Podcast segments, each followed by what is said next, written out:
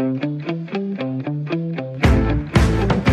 lytter til 4 på foden med mig, Erik Rasmussen.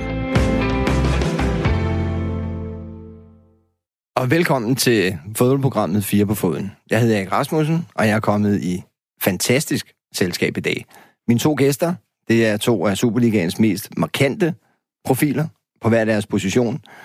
Claus Steinlein, direktør i FC Midtjylland, og du har egentlig haft mange forskellige kasketter på i dine år i Midtjylland. Jeg har været med hele vejen, jo, så, så det har givet fra at sælge madkasser til direktør dag, så jeg, jeg har været med til det hele. Den amerikanske drøm. Og så er det Bo Henriksen, cheftræner i Horsens, og egentlig cheftræner igennem rigtig mange år nu. Bo. Ja. Ja. ja. Han hedder manager. ja, men, ja. Du er det hele. Du er både manager, og du er cheftræner, og Alt muligt hyggeligt. det må være stressende indimellem. Nogle gange. Absolut. Ja, velkommen, skulle jeg så sige. Og jeg vil lige sige, at programmet det er optaget, så det er altså ikke direkte, så der kan være aktuelle ting, vi ikke har med. Men det vi har, det er, at vi har to af, synes jeg i hvert fald, de mest spændende profiler i, i den danske Superliga. Og vi har aftalt, at jeg lige skal fortælle en lille historie, en lille anekdote for noget af jeres liv i fodbold. Steiner, vil du starte? Ja, det kan jeg godt. Fordi jeg havde egentlig ikke tænkt på den, før jeg kom i studiet, men så kom Bo jo ind, og så kunne jeg ikke lade være med at fortælle den, fordi jeg har engang taget røven lidt på Bo. Vi skulle sælge boring til Horsens, og vi har jo godt samarbejde, og jeg sætter pris på den måde. Bo, han er ærlig og direkte og siger, jeg har råd til det her, og, og så presser vi hinanden lidt, og så griner vi og, og joker lidt med hinanden. Så jeg skulle sælge boring til, til Bo. Øh, og det er altid mig, der står for Horsens, fordi øh, det er forskelligt. Nogle gange sælger Rasmus, nogle gange sælger Svend, men lige Horsens, der, den tager jeg selv, for jeg synes, det er så sjovt med Bo. Så Bo og mig, vi diskuterer lidt, og vi bliver enige om, jeg tror, det er 5-600.000 øh, kroner, vi bliver enige om.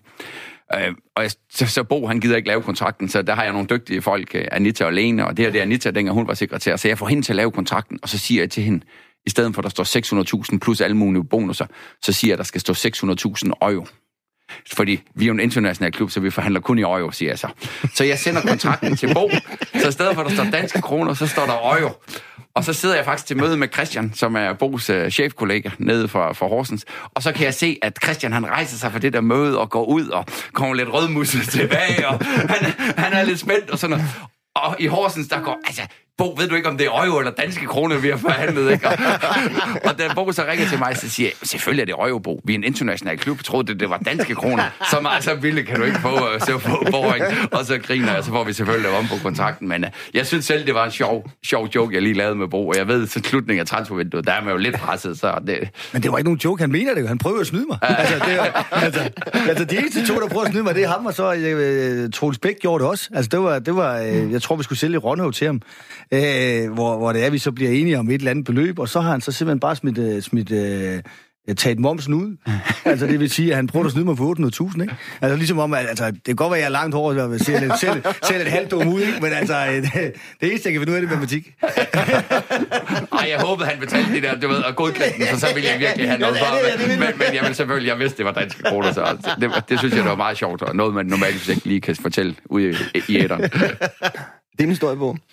Ja, men altså, jeg, jeg, har, jo, jeg, har, jo, jeg har jo tusindvis, ikke? Altså, jeg ved ikke, hvor, hvor vi skal starte. Nej, men altså, hvis man, hvis man skal tage nogle historier, så er det, så er det for, normalt for den, for, den, for den virkelige verden, og der øh, har jeg jo mange, da jeg selv spillede, øh, også i England med, med, med, med Mølby og så videre, ikke? At, øh, den, sådan, den sjoveste oplevelse, jeg havde med ham, det var, det var øh, første gang, hvor jeg skal spille en fodboldkamp derovre, hvor han så kommer ind og, og, og, og, og skal holde taktikmøde, og der. Øh, jeg tror, det tager 12 sekunder, hvor han lige uh, laver holdopstilling, og så siger, just go out and, uh, and die on the pitch, and, the pitch and uh, just go and go crazy, og, et eller andet. og så går han ind uh, på sit kontor, og jeg går efter ham og siger, Mølby, du skulle da nødt til at fortælle os, hvordan vi skal spille. Altså, det, ellers får jeg jo aldrig bolden. Altså, de var jo kæmpe store, de der englænder, de kunne slet ikke spille fodbold, vel? Det var en fire bedste række. Ikke? Og så siger han, bro, det er sgu ligegyldigt, de forstår det ikke alligevel. Altså, han var fuldstændig iskold, ikke? Altså, fuldstændig. Jeg havde ravet ham pappen, og han, altså, han var aldrig, han var stort set aldrig til træning. Han sad ude i bilen, ikke? Og så jeg kiggede på, at der var en af, en af hans assistenter, der trænede os. Så, så, så det var meget sjovt. Er det ikke meget sådan specielt egentlig, han er blevet sådan meget analytiker på de store fodboldbegivenheder, kan man sige. Nå, men Igennem altså, de sidste 25 år har han været chefanalytiker på dansk fodbold. Men han, skulle, men han, skulle jo ikke have, han skulle jo ikke have haft et, et, et, et hold i den fjerde bedste række, hvor nogle spillere som, som mig, som var som lidt middelmodige, og, og, og de andre, der var der, altså han skulle have haft et hold, som, som virkelig kunne spille, ikke? altså han skulle have haft et Premier League-hold, så tror jeg, han har været en dygtig manager. Vi skal snakke en lille smule om Superligaen. Altså, det er jo, det er jo tid til at gøre status efter, efter halvsæsonen. Og lad os høre lidt om dem. Superligaen er gået på vinterpause efter 20 afviklede spillerunder. FC Midtjylland er helt i top, mens Silkeborg ligger allersidst. Og Brøndbys Kamil Vilcek er suveræn topscorer med hele 17 mål i efterårssæsonen. Vi skal kigge på, hvad der er sket i efterårssæsonen, hvem har leveret de største overraskelser og skuffelser, og hvem har henholdsvis over- og underpræsteret i Superligaen. Jamen, lad os starte med det positive. Hvis det er sådan, at vi skal snakke om, hvem har egentlig overrasket dig mest på af de forskellige klubber? Nej, jeg, jeg vil sige, at, det, der overrasker mig allermest, det er, at, at, at, at Midtjylland og FC København har været så, så, så øh, dygtige øh, til at vinde så mange fodboldkampe. Altså, vi snakker om, de har 46 og 50 point, øh, to og et halvt i, i snit fra, fra Midtjylland, ikke? Og, og hvad er det, 2,3 for FC København? Det, det, det synes jeg er totalt vanvittigt og ekstremt. Det minder mig jo lidt om noget skotsk fodbold efterhånden, hvor der er to, der er så markant bedre end alle de andre. Og, og, øh, og, og det er jo forfærdeligt at skulle møde de to hold, for man ved jo, at man stort set ikke har en chance. Ikke? Altså, det er den følelse, man efterhånden er begyndt at få. Øhm, og og det, det, øh, det, det, det må jeg erkende, det, det har overrasket mig. Det er så øh, tydeligt, at de er så markant bedre end os andre. Øh, og så er der selvfølgelig AGF, som vi selvfølgelig også kan, kan tage med. Ikke? Altså, det, det er svært at, at, at løse det. Så vi har gjort et fantastisk stykke arbejde i Aarhus også. Så, øh, så den vej rundt, der, der, der, er der, nogle, der er der nogle ting, som, som, som springer i øjnene, øh, specielt øh, på den positive side, øh, fordi at, at, øh, at det er altså vanskeligt. Og når du har så mange kampe, som FCK og Midtjylland har, og så vinde så mange, det, det, det, det er sgu imponerende. Ja, der har jeg også, også ud over dem, Bo har, så, så synes jeg, at øh, Lyngby, man ved, at de oprykker, man ved, at deres budget ikke er så stort. Øh, respekt for, at de ligger øh, midt i tabellen og, og stadigvæk er med i at komme med i mesterskabsslutspillet. Øh, synes, det er flot med den måde. De er gode til at samle spillere op rundt omkring i København, og så få dem til at, at blomstre. Du ved, de har også nogle talenter, som de får til at blomstre.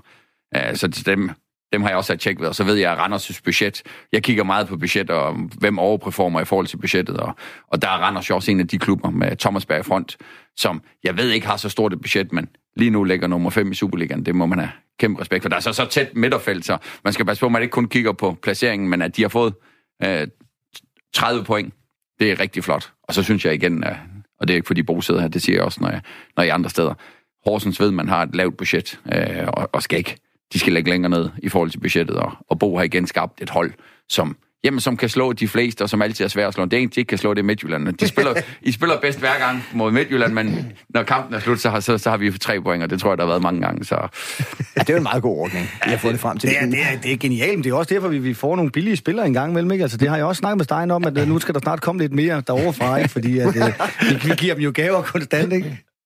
Hvis det er sådan, at vi skal kigge på det der med hensyn til at overpræstere, så, så er jeg enig med dig, Steinlein, i, at det er jo et spørgsmål om, om budgetter, hvad for, nogle råd, hvad for et råderum man har som træner, og hvordan man kan prøve på at få den bedst mulige trup øh, skrevet sammen. Og jeg har taget nogle, nogle tal for, for tipsbladet uh, i forhold til, hvordan klubbernes budgetter egentlig ligger, så det vil jeg lige prøve på at læse op. FCK på 160 millioner i spillerbudget, og transfer de er vel inkluderet i, i spillerbudgetterne, ikke? FC Midtjylland, Brøndby, på nogenlunde det samme omkring 95 millioner. Kan du ikke nogenlunde genkende det tilstanden? Det er lige overkanten, men jeg, jeg er ikke i tvivl om også Brøndby. Vi er, altså, vi er cirka halvvejs på, på FCK, hvis man sådan regner efter, og vi er lidt lavere, tror jeg, begge to, både Brøndby også, når jeg snakker med Brøndby, men det er jo ikke sådan, at det er skudt helt ved siden af. Nej, og der må man jo så sige, hvis det er sådan, at man tager det parameter, så har I overpræsteret i, i ekstrem grad. I og med, I trods alt før med, med fire point i forhold til et hold, som der har dobbelt så stort budget. Nå, men når man kigger sådan i Midtjyllands historie, helt fra dag da der har også lavet sådan en undersøgelse bag om spillet, jamen så kan man se, at ude i det midtjyske, jamen der er med dem ikke, ikke kun øh, også i FC Midtjylland, men sådan generelt FC Midtjylland og området. Vi er gode til at få ud af pengene, øh, og det har vi også været i fodboldklubben. Så sidste tre sæsoner har vi jo reelt set overperformet pointmæssigt i forhold til, hvad vi har budget til. Men omvendt, så som Bo siger, vi skal jo også være bedre end Horsens og, og de andre jyske klubber, fordi vi bruger, ja, bruger flere penge. Så kommer vi så ned til, til de næste, hvor AGF så skulle ligge på 44 millioner, OB på 38 millioner, OB 36, FC Nordsjælland 34, Randers 28, Esbjerg 26, Sønderjyske 25, Horsens 25. Ligger I så højt? Nej. Det, det kan jeg ikke forestille mig. Vi er ikke i nærheden. Men altså, de har jo nogle tal nogle steder fra, men, men, men, men vi er slet ikke i nærheden. Og så har vi så bunden, Silkeborg, Hobro og, og Lyngby med 15 millioner hver. Og der har jeg også Horsens ned den der, så når jeg kender tallene bagom og ved, hvad lønniveauet er, så har jeg Horsens ned den nederste kalorier, og så derfor burde de lægge dernede. Og, og sidste år, der havde, der var jo sådan et læg, hvor man kunne se lønningerne, der kan man jo bare se, at de er den bedste i Superligaen, 18 ud af 20 bedste, jamen det er FCK-spillere, og derfor kan de også performe i tre turneringer, derfor har de også været europæisk gruppespil mange år i træk. De har en stærk trup, og Ståle gør det godt med den stærke trup, han har, og det, øh, så han overperformer jo europæisk, kan man sige, for det der konkurrerer han med nogen, der har større budgetter. Men i Superligaen, der skal han jo ligge i toppen hvert år med de budgetter. Men du var lidt inde på det der med hensyn til, at det var overraskende, at, det, at de har været så suveræne. Altså, de var også helt suveræne i sidste sæson, men i år er det vel egentlig næsten, er det ikke et historisk højt pointantal, jeg har? Og det er det højeste, vi har haft i FC Midtjyllands historie. Det, det, det er det, vi har haft i år. Øh, og det, der har overrasket mig mest ved denne sæson, det er jo, at vi reelt set har skiftet en masse profiler ud. Øh, Jakob Poulsen, Tim Spau har ikke spillet, øh, Paul er solgt, øh, Vikheim er solgt, øh, Delhente har været skadet, øh, Kian er solgt. Så vi har smidt en masse rutinerede kræfter ud, en masse stamspillere. Og at vi så har performet på det høje niveau, der, der må jeg sgu tage hatten af for trænerteamet og for spillerne, at de har, har kunnet det. Vi har også specielt startsæsonen været en lille smule heldige med Stolben, hvor jeg synes, at i slutningen af sæsonen har vi egentlig spillet godt og fået point, som vi har fortjent. Ja, lige netop alle de der forskellige spillere, som du snakker om, altså noget, det, det skal vi snakke meget mere om nu her, hvor vi skal gennemgå nogle af de forskellige transfer, som der har været, og hvem der er kommet bedst ud af vinduerne, men, eller ud af vinduet i sommer. Men hvis vi også lige skal snakke om, hvad har så været den største skuffelse her i, i løbet af, af efteråret? Jamen, jeg, jeg, jeg synes, jeg synes der, der er selvfølgelig nogle stykker. Altså Esbjerg, som, som, som, som får en rigtig flot sæson sidste år, øh, og så går ud og, og, øh, og kun har 13 point. Altså det, det, det, er, det er selvfølgelig overraskende. Altså det, det, det er specielt overraskende for mig, fordi jeg synes faktisk, de har et, jeg synes faktisk, de har et fornuftigt fodboldhold. Altså, øh, så, så den vej rundt, så, så kunne man jo i hvert fald formode, at de vil få flere point. Øh, jeg synes også Sønderjyske, altså i med, for jeg synes faktisk, hvis man, vi skal i gang med de transfers ja, lige om lidt, men jeg synes jo, de har, de har købt fuldstændig genialt ind, altså det, det, det skal de have, og jeg synes, de har været rigtig dygtige til at finde de, nogle, nogle, nogle spillere, som, som har præsteret før, og som, som har et, et fremragende topniveau. Så det synes jeg også er overraskende, at de ikke øh, har præsteret bedre, men det, det er der jo øh, selvfølgelig mange forskellige øh, scenarier og grunde til, men, men øh, som udgangspunkt, så, så, er det, så er det, synes jeg, dem, der har der underpræsteret mest. Jeg synes resten, jamen altså selv Brøndby, altså det, det er bare ikke, øh, så, så nemt er det bare ikke, og, og, og, og de er altså ikke bedre, synes jeg, end, end FCK og, og Midtjylland, og de, de, de, de spiller til, hvad de har niveau til, synes jeg, så, så jeg synes egentlig ikke, de er underpræsteret som sådan. Jamen har de ikke underpræsteret i forhold til det budget, som der ligger på højde med FC Midtjylland, når der er så markant forskel, altså? Jo, jo måske, men, men, men det, det kan man godt sige, de har. Men, men når det så er sagt, så, så, så, øh, så, så, så skal du også tage spillerne. Altså, du skal jo også se, hvad er det for... Og, og så har de måske brugt pengene forkert øh, som udgangspunkt. Det er jo det, det, man skal kigge på også. Øh, fordi de har ikke et bedre hold Midtjylland. Overhovedet ikke, og de er slet ikke i nærheden rent niveaumæssigt. Ej, jeg er lidt enig øh, som du siger, ikke? Altså Brøndby 18 point efter os, og vi har nogenlunde samme budget. De har en stor opbakning, god hjemmebane. Så det, det må være skuffende for Brøndby, og det tror jeg også, jeg har hørt deres træner og så videre være ude og sige, at det ikke har været en godkendt sæson, fordi selvfølgelig skal de lægge tættere på FCK og FC Midtjylland. Ej, det, er jo, det er jo klart, altså 18 point, det er jo godt nok meget efter 20 kampe. Ja, det er jo nemlig det er kun 20 kampe. Det er point i snit. Altså, det er jo, ja. det er jo en vanvittig forskel, ikke? Ja. Og så synes jeg, når vi er nede i den kategori der, altså Silkeborg, det er skuffende kun at have 10 point. Jeg ved godt, de har et lavt budget, men, men 10 point, det, det er virkelig få point. De har måske spillet sig til lidt flere, men jeg synes, at de har, der, det er for let at lave chancer på dem, øh, og det, det synes jeg, man kan se. Og, og jeg har sådan lidt med Esbjerg. Sidste sæson var de pivheldige. Øh, alt var stolpe ind, øh, og de fik, når vi kigger på vores Table of Justice, som vi jo godt kan lide, jamen så fik de flere point, end de havde fortjent i sæson. Til gengæld har de været uheldige i denne sæson, og, og mistet måske lidt selvtillid til sidst. Så jeg, jeg kigger også nogle gange på, hvad har de egentlig fortjent, og hvad har de performet til, og der, der synes jeg egentlig, at Esbjerg burde lægge lidt højere op, og så vil man jo ikke være helt så kritisk over det. Jeg hørte også i går på, på TV3, at du snakkede om den der Table of Justice. Det er jo ikke sikkert, det er alle, der kender han. Du gør selvfølgelig Bo Henriksen, men ellers kan du forklare det, Claus Stein. Ej, det tager jo lidt tid, men jeg, hvis jeg skal gøre en simple vision, så er det, fodbold er der jo utrolig få mål i. Altså, der, der, kampen kan jo ende 1-0, selvom der har været chancer til 3-3 og sådan noget. Så det, at der er få mål, og tabellen kun mål ud fra, hvor mange mål man laver, og hvor mange mål modstanderen laver, så har vi, og det er der jo mange andre, der også har, men vi, har, vi er heldige at han ejer, der har 300 mand ansat til at lave analyser af fodboldkamp, til at kigge ind i, i, i kampene. Og han har jo været og sige, jamen, hvad er der kræves for at vinde kampe? Og så kigger man på, hvor er man får chancerne fra, hvor er man får skuddene fra, hvor får modstanderen skuden på. Så når man sådan regner vores statistik ud og ser table justice, så måler vi egentlig mere på, hvor har du haft bolden hen, i hvilke positioner har spillerne været. Og det er klart, har du 300% chancer i en kamp, hvor målmanden bare står genialt og tager den, så næste kamp, så får du måske de mål. Så det er egentlig mere, hvor er modstanderen får chancer for, og hvor er vi får chancer for, og så laver man en tabel ud for det. Øh, og så bliver det lidt mere nuanceret, men det er jo ikke sådan, det har prøvet jeg også at forklare i går, det er jo ikke sådan, så statistikken er 100% rigtig, fordi der er jo også fejlmarken i statistikken. Øh, men det, det vægter en tredjedel i vores optik at sige, vi kigger på, om, om det går den rigtige vej, også statistisk. Bruger, bruger I den der table of justice, eller har I noget, der hedder table of injustice? nej, nej, men altså, vi, jeg bruger den ikke specielt meget. Jeg kigger på det, der, der er sådan en Twitter-konto, hvor man får det ud hver uge, og så kan man se, at man, man, man, øh, vi ligger altid der som stort set, som, som vi har fortjent, ikke? Øhm, øh, så jeg tror, vi ligger nummer 10 eller sådan noget i den table of justice også. Altså, så, så et eller andet sted, så, øh, så kan vi ikke bruge det til ret meget. Jeg, jeg kan ikke bruge det til andet, end at, at, øh, at vi kan se, om vi øh, præsterer øh, øh, på nogle forskellige parametre, men, men, øh, men altså, fodbold er, er, er ikke altid, så behøver ikke at være så, så vanskeligt. Øhm, fordi at, at man har en følelse, de, de fleste gange, hvis man har forstand på det, så, så er den følelse også rigtig, øh, hvordan man præsterer. Men det, og det, det er der, hvor jeg sådan, du ved, det, det, det, det er der, måske bor mig ikke egentlig. Jeg snakker også med Ken Nielsen for, forleden der til en reserveholdskamp. Og der, der er vi bare et andet sted i Midtjylland. Altså alle virksomheder har big data. Alle virksomheder prøver at analysere, hvad der går godt og hvad der går skidt. For eksempel i år i den her periode, hvor vi spiller uafgjort i parken, øh, spiller en fremragende kamp, men for uafgjort, øh, vi synes, vi bliver snydt lidt for et straffe, vi synes, at der er lidt ting, der går mod os, men samlet set synes vi egentlig, vi har fortjent at vinde. Det tror også alle eksperter synes. Men det er jo glemt, fordi så det er jo et point, og så bliver det tirsdag og onsdag, så har man jo glemt den, og det var et point. Så tager vi helt ufortjent til hjemmebane til OB 1-0. Øh, og det er sådan en kamp, det er måske den, der vi har mest fortjent at vinde den sæson. På vores statistik skulle vi have 93 procent af kampen skulle vi have vundet. Så, så det er jo sådan. Men lige pludselig står vi med et point i to kampe. Pressen begynder at skrive om, at det ikke går så godt.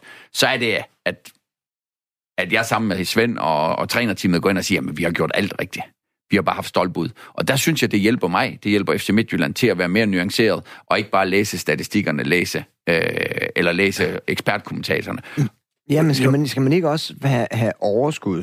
Forstår du, hvad jeg mener? Altså, I handler jo generelt i en situation af overskud, fordi der er gået godt igennem så mange år. Hvad med dem, som nu engang er presset? Kan de på samme måde sige, at vi, vi, bør, vi burde egentlig sådan og sådan og sådan? Nå, men, Forstår jeg, du, hvad jeg mener? Altså, ja, ja. bliver trænerne og spillerne, de bliver presset, de bliver trykket, når der er noget, der går galt. Jeg kan huske, for, da vi havde Yes i den periode, det var faktisk der, vi lancerede Table of Justice, der er Rasmus og mig ud forskellige medier. Det er en periode, hvor vi har tabt flere kampe, end vi har vundet. Der er lidt uh, krisestemning omkring FC Midtjylland. Der holder jeg et oplæg for alle spillerne, og så viser jeg dem på statistisk set og siger, prøv at, statistisk set, så spiller vi lige så godt som i sidste sæson. I denne sæson har vi bare fået 8 point mindre, end vi har fortjent. I sidste sæson fik vi 8 point mere, end vi havde fortjent. Så vi skal blive ved nuagtigt, som vi gør nu. I skal ikke begynde, fordi det, der sker i spillertrupper, det, der sker i fodboldklubber, det er, så begynder spillerne at synes, at træneren ikke skal træne med. Det var under din periode, ikke? Altså, hvis det gik dårligt, så skulle træneren ikke træne med. Det kan man så godt forstå. Jamen, der kan jeg godt lige fortælle. Der kan jeg godt fortælle. Når vi nu skal jeg fortælle historien en gang imellem. Jamen, så, så sker der jo det, Claus Steinland. Det kan du også godt huske. Jeg kan jo stadigvæk godt lide at spille fodbold. Og jeg er egentlig okay Altså, jeg er jo ikke så gammel, jeg er kun 44 eller sådan noget lignende, da jeg kommer til... Du er rigtig god, det tør jeg, jeg kommer til Midtjylland. Altså, jeg kunne godt spille med, men det er jo klart, så bliver man 45, så bliver man 46, og det begynder at gå hurtigere. De bliver bedre og bedre. Altså, spillerne bliver jo bedre og bedre, det er der ikke nogen tvivl om. Så, så det vil sige, de havde jo det der spillerudvalg, det har de også i Horsens. Har de ikke det? Jo, jo. Det, det havde spillerudvalg, og det der, der, hvor de sådan skulle sige, hvad for nogle ting, de gerne ville have forandret, og hvad de var utilfredse med, om der var nye tiltag, de godt kunne tænke sig at få, få lavet. Der var altid kun én ting. det var, de sagde, at vi er simpelthen så glade for at være i klubben, og det hele det kører og sådan noget, men vi synes ikke, du skal spille lige så meget med. og så tænkte jeg lidt over det, og så sagde jeg, det skal jeg nok, det tager jeg til efterretning. Så gik der sådan en uge, hvor jeg næsten ikke spillede med, og så stod jeg der igen du, du, elsker, ja, du elsker det var drivkraften. Det var en af drivkræfterne. Det var da fedt at være Superliga-træner og være træner i Midtjylland. Men det var vanvittigt sjovt at spille med. Spille med så gode spillere igen, det har du der været et stykke tid siden. Men, men din selvindsigt har jo altid været totalt håbløs. Ikke? det er jo samme som mig. Jeg har også det er jo en sjov anekdote. Ikke? Den sidste fodboldkamp, jeg spiller, øh, der er jeg spillende træner i Brøndshøj. Og, øh, og vi, vi fører 2-0, og der, der er 20 minutter tilbage. Og så sætter jeg mig selv ind på den defensive midtbane, bare lige sådan for at stabilisere holdet. Så tager vi 3-2. og, og anføreren kommer ind og siger, jeg vil sige, jeg skulle kede af at sige det, men altså, du skal ikke spille med mere. Altså, så var det så overstået. Det er den sidste kamp, jeg nogensinde spillet. Nej, vi, selvindtægt skal vi ikke være Men hvis jeg lige skal slutte af med det table of justice. Det, det, jeg oplever, når der er krise, det er, at spillerne angriber træneren systemet lidt. Trænerne begynder lidt at diskutere, og at man bliver lidt usikker på tilværelsen. Og der synes jeg, at så længe tabellen viser, det bagvedliggende tal viser, at det går rigtig vej. Og det brugte jeg for eksempel den situation til. Til gengæld, da vi blev dansk mester, øh, for, altså, ja, da Bo han hjalp os, og vild, den vildeste jubelscene, øh, og, og Finn Bogersen scorer to mål øh, i overtid. Ja. Da, da det sker, som jeg tror alle kan huske, hvad de lavede de dage der, der går op i Superliga-fodbold. Jeg kan godt huske præcis, hvor jeg var, da han sparkede den anden ind. Det største øjeblik i, min fodboldkarriere som, uh, som uh, direktør, og det, det var da Finn Bogersen scorede for Horsens mod Brøndby. Mm-hmm. Altså et kæmpe øjeblik. Men i det år der, der performede vi ikke så godt på de underliggende performance-tal. Så da vi gik på sommerferie, så havde vi noget, en del krisesnak i FC Midtjylland. Vi var lige blevet danske mester, men vi havde en del krisesnak om, hvordan kunne vi gøre det bedre, fordi fortsatte vi den her øh, retning, så ville det ikke ende godt. Og det er det, jeg synes, at der er mere nuanceret. Der tror jeg, at de fleste klubber mere ville have jublet over medaljerne og sagt, øj, hvor fedt, men vi blev mester, og vi havde marginalerne, fordi vi opsøger marginalerne.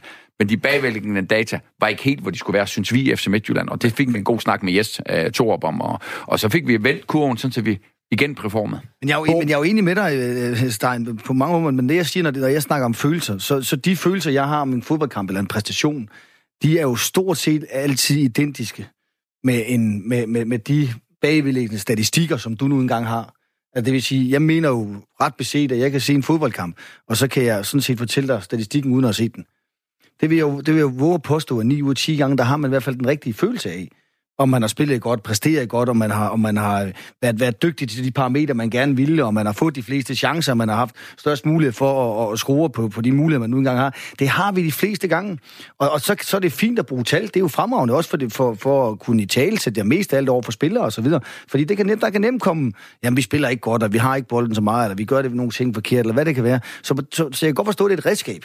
Og, og redskaber skal vi jo bruge, men, men de fleste gange, der, der, der, der kan man jo også gøre det i, i forhold til noget video, og i forhold til mange... Altså, så, så Table of Justice, jo, det, det, det kan man nemt bruge, og, og, og det kan vi kan nemt... Men, men jeg mener ikke, at det, det behøver at være så videnskabeligt. Hvis jeg lige kan komme med en, med en indskudt bemærkning der. Uh, der, der må være en grund til, at Midtjylland har gjort det så ekstremt godt, som det nu engang har været tilfældet. Vi kan godt blive enige om, at i forhold til forudsætninger, der er Midtjylland måske den klub. Jeg ved godt, Horsens har gjort det fremragende. Hvis det er sådan, du tager i år, der har Lyngby gjort det rigtig, rigtig godt. Men Midtjylland har jo været sådan konstant i toppen, konstant i føretrøjen, mere eller mindre i forhold til budgettet gennem mange år. Kan det ikke godt være en af de ingredienser, som der gør det på? Selvfølgelig. Jamen, altså, der er jo ikke nogen tvivl om, altså, jeg, jeg negligerer det overhovedet ikke, fordi det er jo rigtigt for dem. Det, jeg, synes, det, jeg synes, det er fremragende, og jeg synes, det er et fremragende redskab, specielt hvis der er nogen, der er trygge i det. For det handler jo sidst om en ting. Vores job, Steinleins job, det er at gøre sin medarbejder tryg. Og det her, det gør han ved at gå ud og fortælle dem om nogle statistikker og sætte sig op foran sin spillertrup. Det gør dem trygge. Og, og hvis, hvis, hvis det er det redskab, der skal bruges til, at der er succes, så er det det, der skal være. Fordi det eneste, der betyder noget for fodboldspillere generelt, det er, at de har det godt. Og de er trygge, og de tror på, at omgivelserne vil dem det bedste. Og, det, og, og, og man tror på dem. Og, og, og det, det er meget simpelt. Prøv, prøv at høre, det egentlig, det, vi skal snakke meget mere om jer to en lille smule senere. Fordi netop det der, som vi sidder og fortæller om nu, viser kompetencer, hjerte og indblik og alt muligt andet. Det, det kommer vi ind på en lille smule senere, fordi der skal lige prøve at spørge lidt ind til jer begge to. Men hvis det er sådan, at vi lige kan gå en lille smule videre, og vi kan komme hen på, på transfervinduet her i sommer, fordi det har jo været med til at definere succes og fiasko for, for klubberne et langt stykke hen ad vejen i hvert fald. Der må man så sige, vi, vi har siddet her med en liste foran os, med hensyn til de transfer, som der er blevet lavet. Noget, som der skinner i øjnene, Steinlein, det er, at I har egentlig kun i har kun haft tre nye spillere, der er kommet ind i truppen udefra.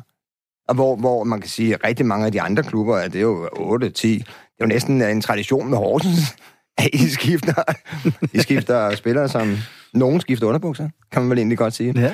Ja. Uh, men hvad, hvordan, er det, hvordan ser I på det? Hvad har været de bedste transfer for, for de respektive klubber? Hvis jeg lige skal svare på det der med, hvorfor vi hentede tre, det var, vi er kommet et andet sted hen i FC Midtjylland, og det, altså, hver tid, hver sted, man er i, i fødekæden, så får man lidt let, og nu har vi fået lidt flere penge at gøre med, så vi kan købe ind lidt før vi skal bruge spillerne, og derfor har vi jo egentlig købt ind sidste vinter for at være klar til den her sommer. Og så da vores spillere de blev solgt, jamen så var, havde vi egentlig allerede nye spillere i, i pipeline, og der har Bo jo et andet sted i systemet. Altså, han skal have solgt, før han kan købe ind.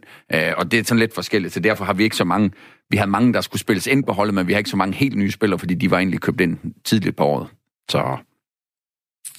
Ja, Nej, men altså, altså, hvis vi bare tager vores transfervindue, som jeg har jo taget en 11 mand ud igen, ikke? Og, og det, er jo, det, er jo, det er jo kutume efterhånden et eller andet sted, men, men det er jo også det er jo på grund af de forudsætninger, vi har. Der er jo ikke noget, vi heller vil, end at, end at få skabt noget kontinuitet og få skabt en trup, som, som et eller andet sted er, er på plads stort set, før man øh, starter i hvert fald de første kampe i Superligaen. Og det, det, der er vi bare ikke som, som fodboldklub, som, som Stein rigtig nok siger men så, så skal vi have solgt noget først, og det er en, det er en del af mit arbejde, at skulle sælge for, for nogle millioner, før jeg kan gå ud og få, og få de spillere, som jeg egentlig gerne vil have. Men, øh, men, øh, men vi har egentlig haft et, et efterhånden igen, øh, synes jeg, fint transfervindue. Jeg tror, det er ligegyldigt, hvad spiller du sender ned til Bo, så skal han nok få dem til at fungere. Det, altså, det kommer vi nok ind på senere, men det der med mandskabsbehandling, og det, det tror jeg det er egentlig det vigtigste ved gode signinger, det er, at du har en god kultur at sætte dem ind i, fordi du, nogle gange kan du sætte de bedste spillere ind i en klub, som, men hvor klubben ikke har den rigtige kultur, eller de ikke lige passer sammen matchet, jamen, så kræver det en god træner, en god manager til at få dem til at fungere. Men hvis jeg skal sige en af dem, jeg ja. synes, der har været gode i den her sæson, en god signing, så er jeg meget imponeret af Patrick Olsen. Øh, jeg synes, det er OB's vigtigste signing. Jeg synes virkelig, han har gjort det godt. Og han var jo på vej i anden division med, med Helsingør, og, og det er en af de der top-signinger, hvor jeg tænker, det, det er godt set. Det så er godt. Der fik de meget for pengene. Ja, der fik de virkelig ja. meget value for money, øh, og, og han har været en profil for, for OB og, og gjort det rigtig godt. Og, og når man tænker på, hvad de har givet for ham, så, så synes jeg, det er rigtig godt set. Ja, så kommer vi så hen på, på Brøndby, fordi det er jo en af dem, som vi har nævnt, der måske underpræsteret en lille smule. Er der nogen af deres egninger, der egentlig har været god? Hvis I sidder sådan og skimmer den igennem, Michael Tørnes, Anis Ben, Slimane, Jamen, altså, vi har jo ikke set nok til Marksø og Rosted til at lige, men, men de har jo ikke gjort en med, med signifikant forskel i forhold til resultater i hvert fald.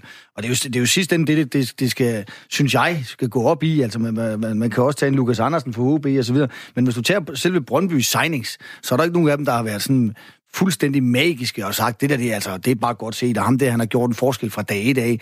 Og så nemt er det jo altså heller ikke at komme ind på et Brøndbyhold, og så skulle, og så skulle ændre noget, som, hvor det ikke kører 100%. Altså, det er jo Kamil Vilcek, der, der løfter det. Altså, når han ikke er med, så, så, så, så, så jubler vi jo. Altså, dem, der skal møde dem. Og sådan, og sådan, og sådan er det jo bare. Ja, han er altså, en enmandsher. Han er dygtig. Men, men, men han er vanvittigt dygtig. Altså, og, og, så, så, det, så det er klart, det er jo ham, der et eller andet sted har, har skulle træde i karakter, hver gang de skal skaffe resultater. Så, så derfor er der ikke nogen af dem her, som, som har været øh, vanvittigt dygtige. Hvis det er sådan, at vi skal kigge på, hvem... Det er juleaften. Og det er den lige om lidt. og der dukker noget op. Der ligger en eller anden pakke under, under juletræet. Så der er en, der er en, hvad, for en, hvad for en pakke vil du gerne have, hvis det er sådan, vi sådan materialiserer det over til, til fodboldspillere? Hvem kunne du tænke dig for Superligaen? Hvem vil være din ønskeprofil i Superligaen lige nu? Og så kigger man jo altid på, er det noget, man skal tjene penge på, eller er det noget, man skal blive danske mester på? Men altså, nu vil vi lige snakke Vilcek. Han er jo, altså, han vil selvfølgelig klæde vores hold. Havde vi en, en angriber, der lavede 17 kasser. Uh, vi har nogle angriber, der er på vej, og som nok skal komme, men havde du bare en fuldfærdig angriber, du kunne sætte ind på holdet, der lavede 17 kasser. Uh, så, så det vil jo være en, en fantastisk signing. Du har lige nævnt Lukas Andersen op for OB. Altså, en god kantspiller. Uh, en, en dygtig kant. Vi har selv dygtige kantspillere, men Lukas er vel en af Superligans bedste, så der, der er sådan lidt spil. Der er en enkelt spiller hister her. Jamen, er I, er I ikke blevet så store nu, Steinlein, så I rent faktisk godt kan gå ud og købe nogle af de bedste? Jeg kan huske, dengang jeg stoppede i Midtjylland, der købte man jo... Øh, der, der købte man Boring i OB. Det var også lidt for at vise muskler på det tidspunkt. Du kan selv huske det, du var selv med inden over det, ikke? Man ja. køber ham for, er det 21 millioner eller sådan ja, noget? 20 sådan rundt. Der, der er en, en signing, der er fuldstændig vanvittig i forhold til FC Midtjylland-forhold. Dengang havde man måske ikke engang helt de samme basale forudsætninger økonomisk, som man har nu. Ville I ikke godt kunne gå ind og sige, okay, Vilsæk, I kunne nok få ham, jeg ved ikke, om I skulle betale en bundgård, han er 31 år gammel, ikke? Ja, og det er jo der, hvor man, da vi købte Boring i sin tid, var det også med henblik på investering. Altså, vi håbede, vi kunne få Boring ind. Så kom finanskrisen samtidig med Boring, kan man sige. Det var både ærgerligt for FC Midtjylland og for Boring, fordi han var en god spiller. Men når vi går ind og giver mange penge, så er det typisk for spillere, som vi kan sælge videre. Uh, og så er det jo ikke alle spillere. Uh, jeg tror ikke, Lukas Andersen, han er jo født i OB. De der OB-drenge, de vil helst ikke til FC Midtjylland. Uh, så jeg tror, han har det godt op i OB, og, og, og synes, det, det er fedt der. Jeg tror heller, han vil til udlandet, hvis det, hvis det kommer dertil. Så jeg tror, at nogle spillere kan vi godt tage, men vi synes også, der er meget value for money, og nu har vi jo fået øh, et scoutnet over i England, hvor vi har alle de der folk siddende. Så vi ser mange spil rundt omkring i Europa. Når man ser, hvad, hvad vi gav for Evander, for eksempel, og hvad vi har fået ud af ham, jamen så er det jo også en, en kongesigning, som måske er bedre, end vi kunne have gjort i Superligaen. Han ville være dyrere, hvis han var en dansker, der spillede i en Superliga-klub, end det vi har givet for ham. Bo Henriksen, hvad skulle ligge under dit juletræ? Jeg, jeg, der, jeg, synes, der, har, jeg synes, der er mange i Superligaen, som er rigtig, rigtig dygtige. Øhm, øh, og det, altså, et fundament på et hvert fodboldhold er altid et forsvar, ikke? Så, så, så, så det er klart, at en, en Erik op hos jer ikke er fuldstændig magisk, en CK for, for FC København, men det, det er jo totalt urealistiske scenarier et eller andet sted, og, og det er også derfor, vi, vi kigger jo, jeg kigger jo på, på anden division og på første division, for at finde de spillere, jeg skal have under det juletræ. Og, og så kan vi være heldige en gang imellem at finde en, som, som, øh, som synes, det kunne være sjovt også, øh, for eksempel en Janik Pol, eller hvad det kunne være. Ikke? Altså, det, det er jo en forhåbning nu for os at finde en angriber, som kan lave øh, nogle, nogle mål også. Øh, øh, vi, har, vi, har, vi har scoret to mål i, i, øh, i 20 kamp, som er kommet for vores angriber. Det, er jo, det mangler lige det sidste, ikke? Så, så, det, så, så, så, øh, Så der bliver snart spillende træner igen, Bo, på det der tror det kan han klare. Jamen, det, det vil jeg da gerne rose dig for, fordi du er den eneste træner i Superligaen, hvor angriberne er så ufarlige, eller ikke? Nej, men altså, de, de har været sindssygt meget skadet. Altså, de har jo stort set ikke, de har ikke spillet en eneste kamp sammen. Men hvis de havde det, så havde det også været noget andet. Så havde vi nok også haft scoret nogle flere mål. Fordi det er, jeg synes, de er dygtige, og jeg synes, vi har nogle fantastiske spillere. Men, men, øh, men øh, det er klart, at vi skal, vi skal nok bruge en, en angriber på et eller andet tidspunkt. Jeg synes, at begge de angriber Bo køb, da han fik dem øh, hævet ind og til Horsens, så synes jeg, at begge to det var gode signinger. De, de, de har produceret så mange chancer, de to drenge der, at, øh, at det kommer jo på et tidspunkt. Uh... Jeg synes, de er fremragende. Jeg, jeg ja. synes virkelig, de er fremragende. Og ja, det er klart, at, at det, skal, det, det, sådan er fodbold, det skal nok komme, jeg ikke? Altså, det, det kender du lidt til. kan, kan I lide den der rolle? Fordi I køber jo egentlig rent faktisk begge to. Altså, du, du er med til at købe ind stadigvæk. Graversen er, er sportschef, men det er vel stadigvæk dig, som der ej, det er jo det, øh, som vi snakker om lidt før udsendelsen i gang. Vi er jo mange til at, at, at gøre det. Altså, vi Svend og OOP, øh, vores æresmedlemmer, vores første træner, René Andersen, som er U19-træner, jamen de sidder og kigger meget på spillerne. Så har vi hele vores engelske netværk med scoutsystem, som sidder og, og kigger på data og kigger på, på alle ligaen rundt omkring i verden. Så er der Rasmus, som går op i det og er dygtig til det, en god købmand og god til at købe os selv og, og, og lave de analyser og, gå, og se alle fodboldkampene. Og så har vi Christian til at være chefscout, og så skal Priske jo ind over, når vi skal køber selv fodboldspillere til ja, sidst med, ja, med trænerteam. Så det er sådan meget, min opgave er egentlig mere at, at få alle alles interesser i spil, så vi er sikre på, at vi får vendt alle stenene og, og får truffet en rigtig beslutning. Og det synes jeg, det er Midtjyllands styrke, det er, at det ikke er, det er ikke mig, der køber, det er ikke Svend, der køber, men det er, at vi er et team, der køber det, og, og, og det, det er jo en, en fordel, at man er lidt flere til det. Bo, hvordan har det været for dig, det der med hensyn til, det ved jeg, at du var vant til i Brøndshøj, men i Brøndshøj, der gav det jo sig selv, der skulle I forhandle lidt sorte penge. det skulle ikke det, altså. Der, der, var en lille smule dengang i hvert fald. Men nu her, der sidder du med rigtig, med rigtig danske kroner, og altså, er det, er, er det dig, du skal både træne holdet, du skal lægge taktik, du skal sørge for mandskabsbehandling, og samtidig skal du også forhandle med klubber og forhandle med Steinlein, der skriver euro i stedet for kroner og alt muligt andet. Steinlein er det værste jo. Altså, det, det er klart, det, det, det er over bare. Man kan ikke få fat i ham, ikke? Altså, det, her, jeg, jeg var ved at melde ham til sporløs for, altså, for, for et par uger siden, ikke? Da vi skulle have med jo, ikke? Nej, men, nej, men altså, jeg, jeg, jeg, synes det, jeg synes, det er morsomt. Og jeg synes, det er sjovt også, fordi at, at, at netop det handler om mennesker. Altså, i sidste ende, så, så, så er det morsomste, det er jo at, at, at lykkes med et eller andet, at få nogle mennesker til at lykkes, få nogen til at, og, og et eller andet sted komme et sted hen, som de måske ikke havde håbet troet, øh, og, og gøre dem rigtig dygtige til at kunne sælge dem videre. Og det, det er måske noget af det mest interessante. Og, og selvfølgelig er der, er der meget arbejde i det, men, men det, er jo, det er jo sjovt. Altså, hvis, hvis, hvis vi skulle ikke være... Du lave noget andet, hvis det var, at, at, øh, at, at at det, det var tiden, vi skulle tænke på, fordi at øh, det, fodbold, det kræver tid, og det kræver rigtig meget arbejde, og specielt med at finde spillere. Altså, fordi du skal jo se dem, og du skal jo snakke med dem, og så skal vi snakke med klubber, og så skal vi alt muligt andet, men, men det, er, det er vanvittigt morsomt. Altså, jeg synes, det er, mm. det er vanvittigt spændende. Steinlein, kan det tænkes, at I får den rolle, som FCK havde på et tidspunkt, hvor de egentlig går ud og køber mange af de store spillere i andre danske klubber. Nu har de jo så fået en masse profiler hjem fra udlandet og taget en del udlandske spillere her i den seneste periode, men, men vil det ligge til FC Midtjyllands profiler, I egentlig begyndt at støvsuge markedet en lille smule mere i de, i de andre klubber i Danmark? Ja, jeg tror sagtens, man kan forestille sig, at vi henter en enkelt profil eller to for de andre klubber øh, på et tidspunkt. Men, men sådan er det altid, når man handler internt i landet. Det kan man også se i, i Tyskland, England osv.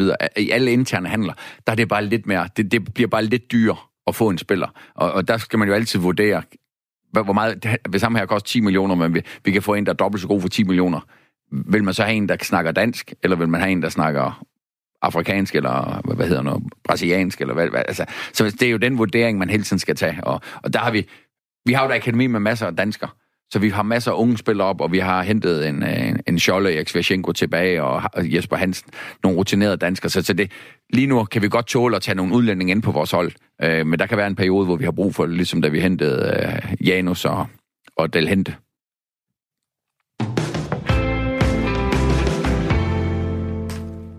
FC Midtjylland ligger som nævnt på førstepladsen, og det er blandt andet takket være en suveræn defensiv, der blot har lukket 13 mål ind i de første 20 kampe. AC Horsens ligger nummer 10, lige mellem den sjove og knap så sjove del af tabellen. Hvad siger klubberne selv til efteråret? Det tager vi en runde på lige nu med dagens gæster, Claus Steinlein og Bo Henriksen. Jeg får starte med, med dig, Stein, fordi du ligger højere end Bo i tabellen. Så det er vel egentlig kun fair nok, ikke? Hvad, hvad, hvad vil du sige? Hvad har lykkedes? Hvad har været udfordrende? Hvad har været fantastisk? Lad os høre. Ah, Jamen altså, det, hvis, det, vi, der gik på sommerferie og kom tilbage nu her til, til juleaften, og så kigge på den periode der, så har det jo været helt fantastisk for FC Midtjylland. Altså, det, det er svært at finde nogle negative ting. Øh, vores U19 sluttede med at blive danske mester øh, i sidste sæson. Vi solgte spillere, vi kom ud med med 65 millioner overskud igen for anden år i træk. Øh, der, der var rigtig mange ting, der gik den rigtige vej. Øh, vi har lavet øh, to år yngre hold. Gennemsnittet er faldet med to år. Vi har købt en masse spillere ind, og så har vi 50 point øh, i Superligaen. øh, vi har super stærkt defensivt, og, og udover det, så har vi lige skiftet træner undervejs for at give os selv et benspænd med. Altså, altså, jeg tror, at den her historie, det er næsten en film værdig, at man kan lave et generationsskifte, man kan skifte træner, man kan komme ud med overskud, og så kan have 50 point. Og havde man før sæsonen sagt, at vi førte med 4 point over FCK, med så ungt et gennemsnit, vi har haft, så havde jeg jo bare sagt super øh, til det. Så, så... det, det, er jo, det er jo virkelig, det er virkelig imponerende. Det siger jeg ikke, fordi jeg er tidligere træner i Midtjylland, og godt kan lide klubben. Det er jo meget naturligt, man kan, når man har været der så lang tid. Men, men det, er, det er jo næsten historisk i dansk fodbold, det har været gået så godt med alle de ting, som der nu engang har været under forandringsproces. Og for lige at starte, fordi der kommer så nogle quizspørgsmål løbende i løbet af udsendelsen. Hvad tror du, FC Midtjylland har solgt spillere for i løbet af de sidste fire sæsoner på Henriksen? Sidste fire sæsoner? Jamen, øh, så har de solgt spillere for er det med videre salg fra, fra de andre, eller er det... Det er med det hele. Det er med det hele. Så lad os sige, øh, hvad skal vi sige? Vi kan vel sige øh, 400 millioner. Ja, vi har solgt for 450 millioner. Uh, du det er meget godt, det er meget godt. Ja, det er vanvittigt det er, godt. Det er okay. Det, det var, du snakker også om, du er sådan lidt købmand, og du ja, ja. kunne metal, og det, det, er virkelig imponerende. Jeg kender dig. Det, det havde jeg slet ikke regnet med. det er, det er, uh, 450, det er også imponerende. Det er fandme flot. Ja, og de, og de 200 millioner, det er akademispillere, som vi mm. selv har udviklet og solgt videre for. Så, så altså, det har jo været en fantastisk periode for FC Midtjylland. Så, så det eneste lidt negative for mig øh, i det her år, det, er, det var den måde, vi fik sagt farvel til Jakob Poulsen på. Og så er vi røg ud af Europa. Altså, det er de to ting, som, som man er sådan lidt, ah, lidt ærgerlig over.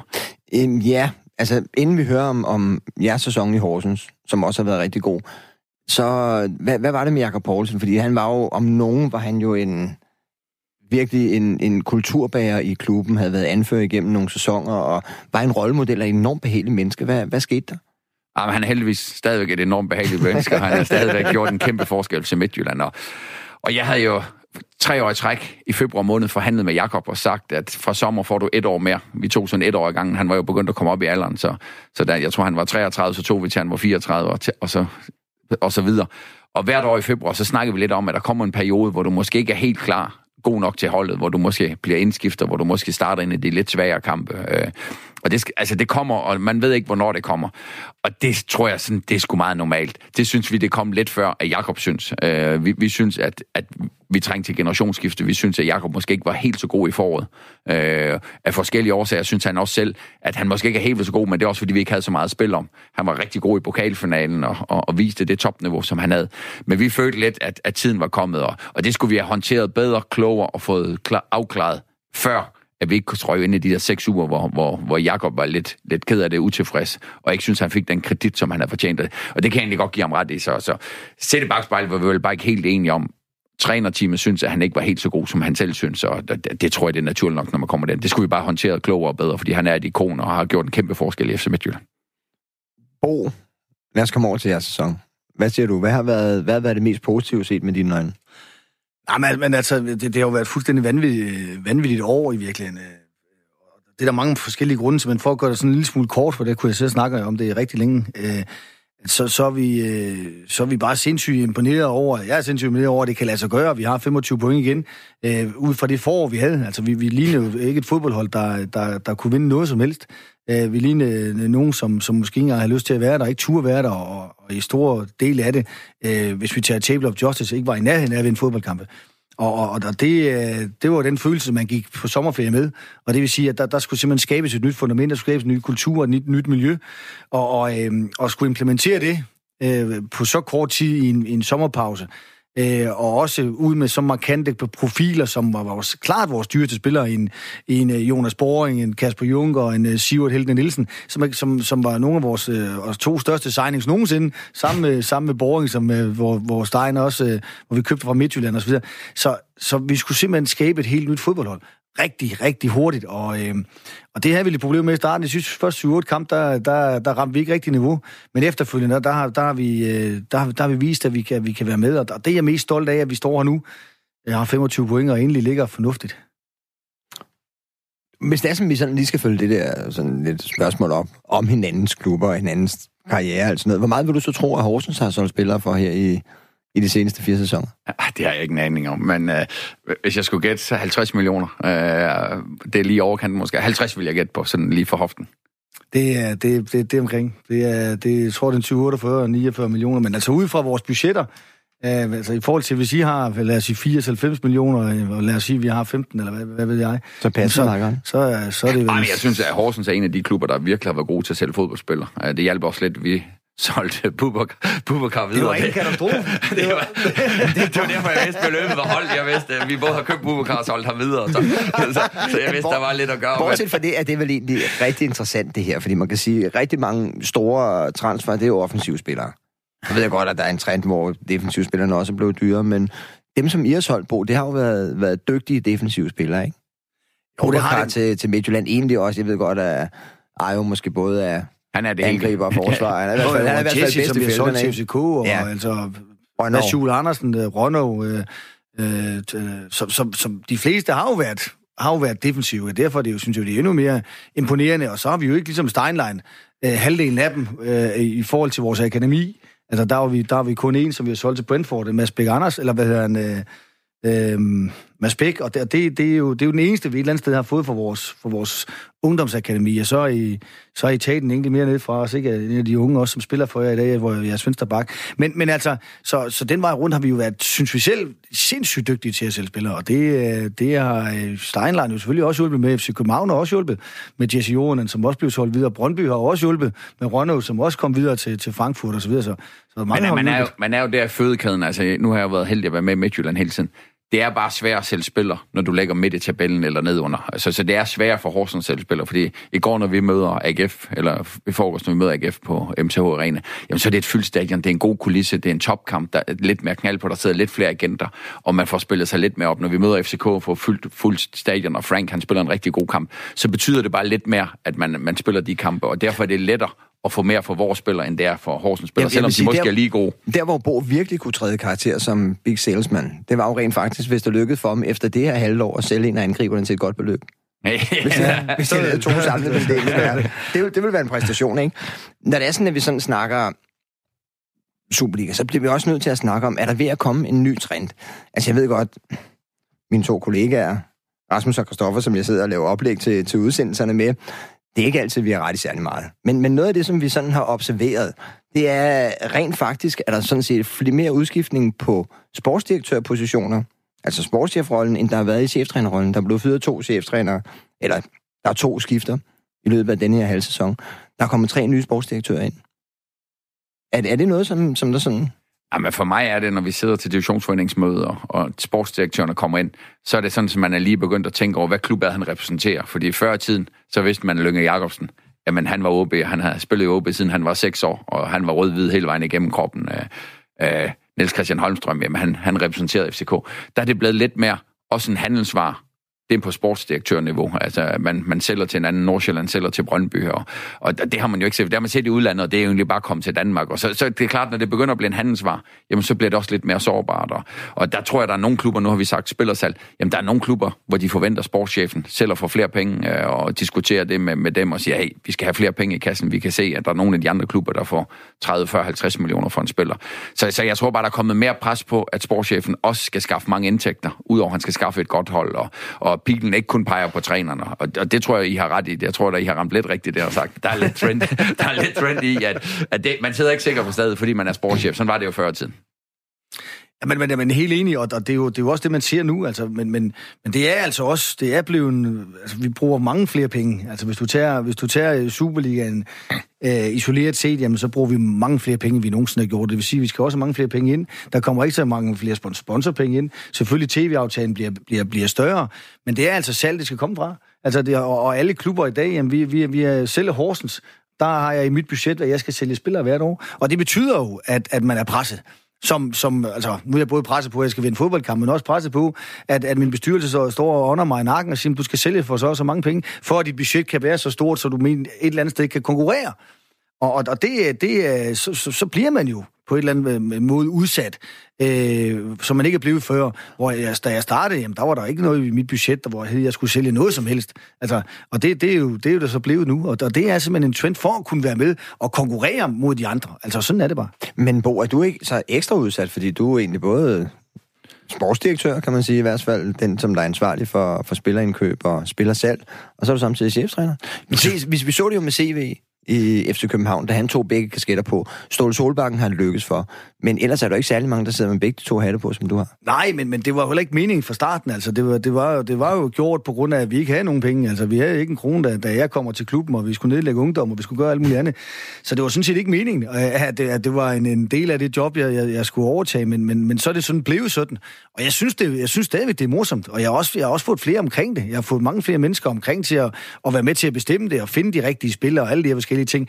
Så, så, så jo, jo, selvfølgelig er man mere udsat, fordi at, øh, som sagt, jeg skal både vinde fodboldkampe, men jeg skal så sandelig også sælge nogle spillere, så bestyrelsen et eller andet sted også kan overfor aktionærer og så videre, øh, retfærdiggøre, at, at vi har det budget, vi har. Så, men, men, men, øh, men indtil nu er det jo lykkedes OK. Og fordelen ved det setup er jo, at, at når man selv er med til at købe spilleren, så er man også sikker på, at man får det rigtigt. Der tror jeg, at nogle klubber nogle gange kommer til, at sportschefen synes, at der er en spændende spiller, og så synes træneren måske ikke, han er helt så spændende. Og, og det er jo et kæmpe dilemma, hvis man køber en spiller, som træneren ikke synes. Så det, man skal være fælles om det, og det. Der har du det let at bo, for du skal bare være enig med dig selv. Det er jo genialt. det stammer som, som ståle. Var, var, det en, var det en model, som I egentlig nogensinde har spekuleret på, Steinlein? Fordi I har aldrig, I har aldrig kommet dertil. Nej, overhovedet ikke, fordi vi er egentlig lige modsat rigtig mange fodboldklubber. Vi er jo, som jeg sagde, et fladt organisationsdiagram, hvor vi alle sammen er inde over det, og, og vi tror på, at 1 plus 1 giver 3. Så, så det er jo alt for, at træneren selvfølgelig har indflydelse, øh, og, og hvis træneren siger, ham vil jeg overhovedet ikke have, så tager vi ham til ikke, men hvis der er 5-6 scout med OP og Papang og Rasmus i front, Svend Graver, vores sportschef, der siger, ham her, det er altså en god spiller. Jamen, så skal Priske selvfølgelig have nogle gode argumenter, hvis han skal sige, ham tror han ikke rigtigt på, fordi alle de der fem, de har altså været i klubben, også i 20 år, og ved, hvad, hvordan vi spiller. De kender vores spillestil og, og kender vores DNA. Så, så vi er sådan meget mere fælles ved, og derfor er vi heller ikke så sårbare, når vi skifter træner. Vi er ikke så sårbare, når for eksempel der Ørgaard stoppede. Altså, der er mange til at træffe beslutninger. Det er jo en fordel af FC Midtjyllands forretningskoncept. Hvad kan du egentlig bedst lide, Bo? Altså, fordi nu, nu er du så kommet i en klub, hvor det kan lade sig gøre, du både er sportschef og, og træner. Men altså, dit næste job blev sandsynligvis ikke det samme. Nej, og det, og det, det skal det heller ikke. Hvad vil du så helst? Øh, det, det, det, kommer, det, kommer, det kommer an på, på, på stedet og, og jobbet og klubben og alt muligt andet, men, men det er jo to vidt forskellige grene af det. Altså som træner, jeg elsker jo det der, det der spil, der er med spillerne og, og, og omgang med det, og jeg er jo en person, hvor jeg, hvor jeg godt kan lide at komme med noget energi og noget power og så videre. Så, så jeg elsker jo den der daglige øh, flade med spillerne, og, øh, og det, det, det, det nyder jeg fuldstændig vanvittigt. Men, men på den anden side, så, så er der også noget øh, fedt i at, at, at lykkes med at, at finde de rigtige spillere, og sørge for at udvikle dem, og sørge for at, at få dem solgt videre til de rigtige steder og så videre. Så, så, øh, så jeg, jeg, øh, jeg er sgu meget åben altså, for at, øh, og egentlig gøre begge dele, men... Prøv, prøv lige at høre, Stein. Altså, er det ikke bare... Er han ikke ved at blive politiker? på den ene side og på den anden side, og så vil jeg gerne Ej, jeg synes, det, det, nu har jeg jo forhandlet med Bo, altså. og jeg, jeg kender Bo som træner, og nogle af vores spillere dernede, som er, og, og træner under Bo og sådan noget. Og jeg synes, det Bo, han kan, det er jo det, han siger hele tiden i hver, hver femte sætning, men det er det med mennesker. Og forhandle kontrakter, jamen det er også overbevise spillerne om, at han skal til Horsens, og når man skal sælge ind, jamen så er det at have godt snaktøj til at få solgt spillerne, og, og, og, du kan godt regne nu, du ved godt, hvad 2 plus 2 er, og, og man, man tager fejl i det lange hår der, men men du, modsat Erik, så, så er du god til at regne også, ikke? Han kan slet ikke regne, det kan det. Nej, det er jeg. Det er men, men, men du har den der, så, så, så, altså, derfor kan du også bestride begge ting, og, og det, selvfølgelig er det sjovt, men man brænder også ud, hvis man skal det, Bo skal i mange år. Altså, det er der ingen, der kan holde til. Altså, nogle, han konkurrerer både med, med mig og mine 5-6 i scouting-team, men han konkurrerer også med Prisk og de 6-7, vi har som træner. Uh, så ved jeg godt, at vi har flere penge, men altså det, man skal stå tidligt op og gå sent i seng, og det kan man selvfølgelig ikke holde til i alt så, for meget. Så lad mig spørge på denne her måde, for at få Bo ud af busken. Okay, du får et lukrativt trænerjob-tilbud. Hvad vil være det for dig egentlig nu? Det er jo godt, det er jo et godt spørgsmål, men, men det, det, skulle jo være, det skulle jo være en, en klub, hvor der havde nogle, som du selv nævnte op for tidsbladet, der havde nogle forudsætninger, som var markant anderledes end dem, jeg har i dag. Øh, og øh, og det, det er der jo mange, der har. kan man jo godt læse ud fra, de, fra, fra tidsbladet som sådan, ikke? Så, så der vil være rigtig mange jobs, der vil være, der vil være, der vil være spændende. Øh, både som træner, men også som, som sportschef som sådan. Altså, øh, der er heller ikke nogen tvivl om, at, at øh, jeg kommer ikke til at være i Horsens resten af mit liv. Det, det, er, der ingen, det er der ingen far for. Og det, og det er også, som Stein siger, det er, det er, det er hårdt arbejde at, at, skulle, at skulle bestride begge dele. Øhm, og det kan man også godt gøre. Nu har jeg gjort det i 14 år. Jeg har gjort det også stort set i, i Brøndshøj, selvom der, der var der en sportschef. Men, men det var mig, der stort set fandt i hvert fald de fleste af spillerne. Øh, så, så den vej rundt, så ved jeg jo, hvad jeg er gået ind til her også. Øh, men, men, øh, men der er rigtig mange job, der er interessante. Det, det, det vil jeg sige. Øh, og, øh, på et eller andet tidspunkt, så skal jeg jo også videre, og på et eller andet tidspunkt, så bliver de nok også trætte af mig i Horsens. Altså, sådan er, sådan er, nu, sådan er virkeligheden også. Ja, nu, nu snakker du klubber, men jeg kan da huske, hvis det er sådan, at vi går nogle år tilbage i tiden, hvor du sagde, at din ambition, det var egentlig at blive træner for det danske landshold. Kunne du godt tænke dig at blive landstræner? Der er jo noget ledeligt for øjeblikket. Øh, ja, men, men øh, det kunne jeg godt. Altså, det, det, kunne, det, kunne jeg, det kunne jeg sagtens se. Altså, jeg kunne sagtens se mig selv være landstræner. Jeg kunne sagtens se mig, altså, men, men der, der er det jo også sådan koncentreret i et par uger eller noget andet, hvor man bare... Og, og øh, jeg ved ikke, om du tænker på færøske landshold, men, men det, er, det, er ikke, det er ikke lidt mere. Der er kommet svensker, der, der, der, der, der har fået jobbet.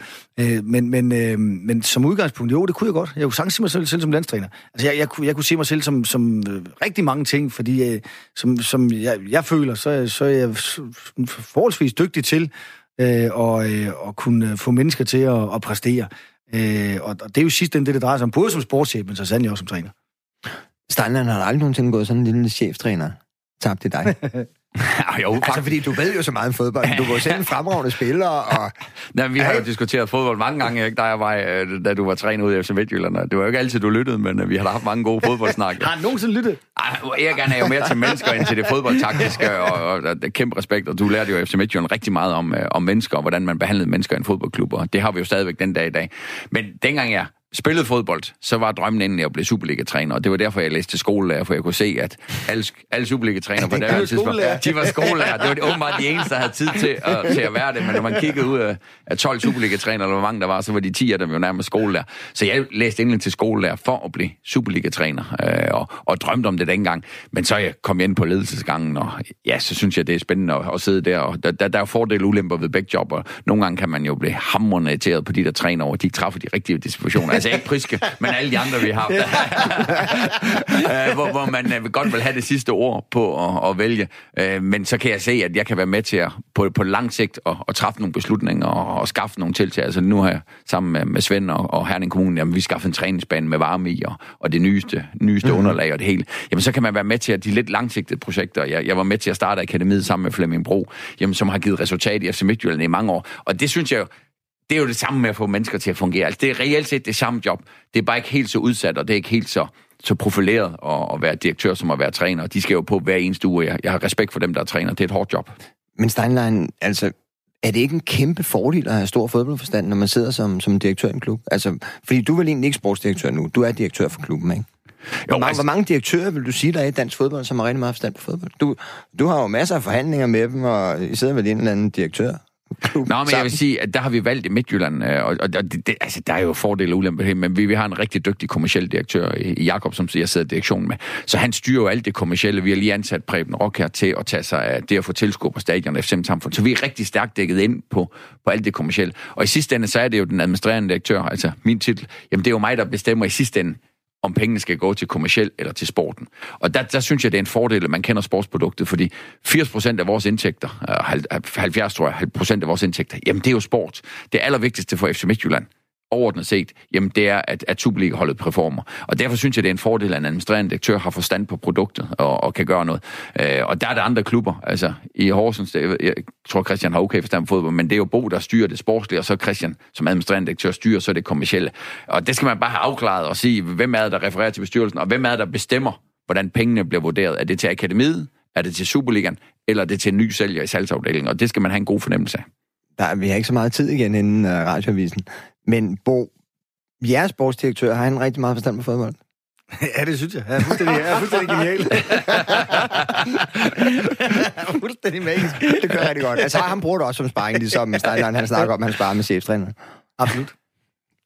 Og det går, det går. Ja, det går. Nu til, du snakker om vores direktør. Ja, jeg er direktør. Nå, vores direktør. Jamen altså, Christian, Christian er jo gammel træner. Han er jo træner for vores akademi, og har også været i uh, Hellas Verona og så videre. Men, men uh, jeg, sparer, jeg sparer meget med Christian, også i forhold til, til, uh, til, til de rent økonomiske ting og så videre, der er der, og, og det, er, det er også ham, der sidder og laver alle papirerne og så videre. Jeg er ikke så, det er ikke et Excel-ark, det, men, men jeg kan godt regne det ud, men jeg sidder ikke og, og bruger så forfærdelig meget tid på, på det administrative, og det er, det, er, det er han også fantastisk til. Så et, et kort svar. Du kan aldrig blive irriteret på en direktør, fordi han blander sig i noget med fodbold, og lige synes det, og lige synes det. Jeg kender selv situationen, og ej, var jeg blevet irriteret på mange sådan bestyrelsesformænd og direktører, men, jeg synes, det har været men, uledeligt men, indimellem. Ja, men det, det, det, det i, i, i Horsens har jeg aldrig oplevet det. Altså, det, det, det, og det, det er simpelthen fordi, at Christian han, blander, han blander sig ikke i det rene sport. Han går ikke ind til nogle dispositioner og siger, hvorfor, hvorfor gjorde du det, eller hvordan, sådan, sådan, sådan. Han stoler på, at, at, at jeg gør det i hvert fald, indtil han ikke stoler på det mere. Vi har snart været i gang i, i den første time, og anden time, det glæder jeg mig egentlig rigtig meget til. Jeg har jo stadigvæk Steinlein og Bo Henriksen, to af de største, mest intelligente profiler overhovedet i dansk fodbold, måske nogensinde. I bliver hængende. I bliver hængende, gør I. Og her i anden time, der skal vi snakke lidt om, om personlige værdier.